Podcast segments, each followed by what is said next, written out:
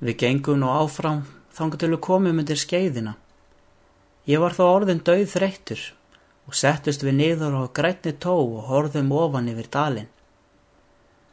Nú var hann enþá fegrið að sjá en áður þegar við stóðum lægra í fjallinu. Allar ójöfnur voru hornar á lálendinu og ekkert var að sjá nema litaskiptin. Áinn kom nú öll í ljós og leiðum fram í bugðum og kvíslum eins og heiðbláir þræðir, opnir í fegursta glitvefnað. Í þetta sinn gaf ég samt lítinn gaumað fegur nátturinnar. Mér gæti ekki liði úr minni, litli frændin. Þá lág hræðilega ill á mér og loksinn sagði upp úr miðju kafi. Ég er ofur lítill, hildur mín góð. Aldrei held ég verða manni.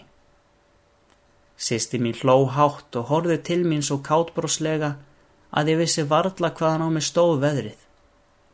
Það var eins og ég heyrði óminn í loftinu, hvað aumingilega skringilegur ég hefði verið í rómnum og fór það eins og stundum ber við að hugum minn komst í aðra stefnu og hlóið þá dátt að sjálfu mér. Þetta var það skrítnasta sem ég hef nýlega heyrt, saði sýstir mín. Blessaður vertu, segðu það aftur í sama róm og áðan, reynda nú til. Ég færðist undan fyrst í stað, en það fór eins og vant var þegar Hildur var annars vegar. Mér var ekki hægt að sinja henni lengi um það sem hún bað. Ég var þá að fara að herma eftir sjálfu mér og þó það tækist ekki sem best, varð okkur það samt báðum nægilegasta hlátursefni. Hún var þá svo blíð og hlóað mér svo dátt og græsku laust að mér kom ekki til hugar að fyrtast við það minsta grand. Þegar við stóðum upp, sagði hún og var nokkuð alvarlegri. Ef þú vilt skal ég aldrei kalla þig litla frænda meir. Þú munt líka bráðum vaksa ef þú lifir og þegar þú ert orðin stór mun ég verða að venja mig af því hvort sem ég vil eða ekki. Ég varð einhvern veginn undarlegur þegar talið snerist svona við. Mér fannst nú lítið til þess lofos og vissi ekki vel hver ég átt að svara. Kallaðu mig hvað sem þú vilt, sagði ég þó heldur látt. Ég skal kalla þig sýstur mína samt. Og svona kleruðu við upp á skeiðina. Ég var að hugsa hitt og þetta og tók lítið eftir veginum.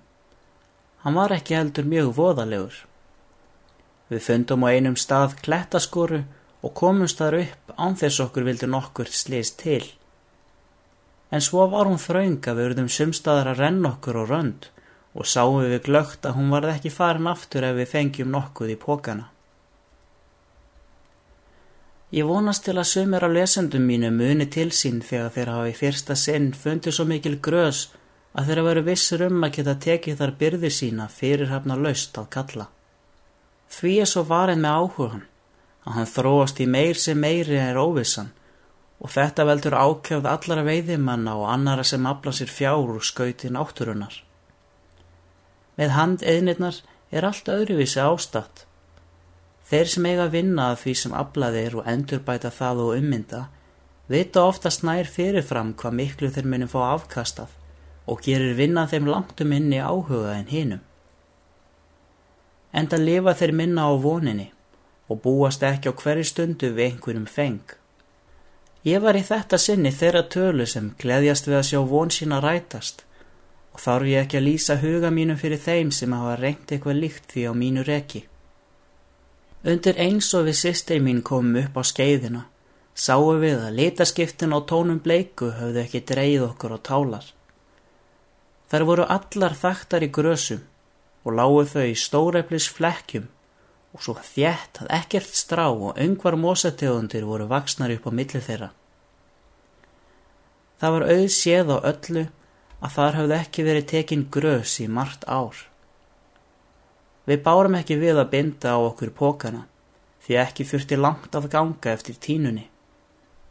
Við keftum þá upp skúf og skúf en grösin lágu laus að kalla og báru við þau saman í smá hrúur þangar til við heldum að við myndum ekki koma meiru heim. Við höfum varla verið að þessu lengur en svari einu dagsmarki og þegar öllu voru lokið og við búin að tróða í pókana hefur varla verið komin miðmundi. Þetta eru nógu laglegir pókar, sagði ég þá, en ógn verður eftir á grösunum. Sestu nú við og saumaði fyrir peysuna mína. Hún tekur þó ekki svo lítið og það er líka mannalegur að koma heim með bakka í fyrir. Þú verður þá að segja mér sögu á meðan, fyrst ég er svona eftirlát við þig, sagði sýsti mínum leið og hún fór að þræða saman peysuna.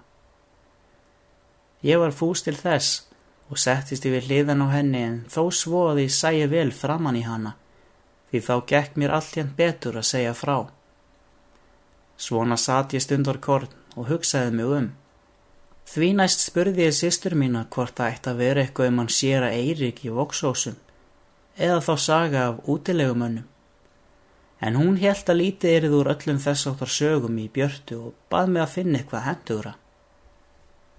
Þá myndi ekki heldur, sagði ég, vil ég heyra neitt um hann björn í auksl eða þá ferðasöguna hans lalla þegar þau skott á hann sátu saman á húðinni og ógu fram endurlanga fnjóská en Þorgersbóli dró og það var húðina honum sjálfum. En áður en ég gleymi því sýstri góð. Hvað eru þær margar, skotturnar? Það á ég bátt með að segja þér, sagði hún. Þær hafa verið síni hverju sveitinni, þó eru tvær merkilegastar að ég held. Húsavíkur skotta og kvítárvallaskotta, en þær eru nú báðar dauðar. Þá þekk ég mann sem hefur séð hann á Húsavíkur skottu, sagði ég. Mannst ekki eftir lækninum sem var að segja honum fóstra mínum frá þegar hún kastaði selnum í hann lalla. En var hann dauður, selurinn? Því er nú búin að gleima. Það verður ekki tala við þig, sagði hún og heldur óþólimóðlega Þú ert með tóma útúrdúra og engin maður getur séð hvort þér er alvara eða gaman. Mér er þó alvara stundum, en núna getur mér ekkert dottið í hug sem vitir í. Þú verður að gera þig ánaði með nokkrar vísur. Það eru tvö kvæði eftir mig sjálfan og tveimur eru snúið. Ég fer sem næst um skálskapin þinn, sagði sýstri mín. Það er sjálfsagt eitthvað fallegt en þó ætla ég að byggja þig að hafa hínar yfir fyrst. Öðru kvæðinu er snúð úr dönsku, sagði ég þá. Það er munaðlaus unglingur sem búin er að missa alla hluti, auð og metorð og unnustu með glóbjart hár og fagurbló augu. Það var um kvöldtíma að hann settist einsamall á leiði móður sinnar og þá hvað hann þetta. Bíum, bíum, barnið góða, Sofðu nú sætt og sofðu lengi, þó að höll og hægindislaus og graf kyrri grundar skauti, vakka þín standi, vertu í ró. Heyrir þau steinja stormin úti, yfir mínum missi þunga og átfreka rimlinga fjöld, furu kistu kroppa þína. Nú kemur einn hljóðfagri nætur gali, Heyrirðu mjúkan munaðar klið, var það áður er þú vakkaðir mér. Nú skal ég veslingur vakka þér aftur. Restu huga þinn hans við söng, allt skal ég þér til indis velja. Heyrirðu demma við dauðans hlið, barn mitt, ringja bjöllu þína. Sé ei hjarta þitt, hart sem stein, sjáðu móðir, mína yðju. Ég skal af grátviðar grein þessari, hljóðpipu smíða, handa þér. Restu hug þinn við hennar róm, er hún einmanna úti kvakar, eins og vindur og vetur á nótt, villur, vakandi í votum greinum. Verði að vikja vöggu þinni frá, kallt er að búa við brjóstitt móðir, og ég á mér ekkert hæli aftur að verma inni mig. Bíum, bíum, barnið góða, sófðu nú sætt og sófðu lengi, þó að höll og hægindis laus og graf kyrr í grundar skauti, vakka þín standi, vertu í ró. Ég þekki þessar vísur, saði sýstir mín, en þeim er ekki vel snúið, Þú hefðir ekki átt að hafa forn erða lægið og... Hitt var ekki vinnandi vegur, sagði ég í mestu ákæf og glemdi mér öldungis. Hefði átt að fara eftir frumkvæðin og hafa sömu stuðlaföll, það hefði mér tekist ennver. En hver verður sagt þér að ég hefði snúið því? Nú hefur sagt það sjálfur, svaraði hún mér brosandi.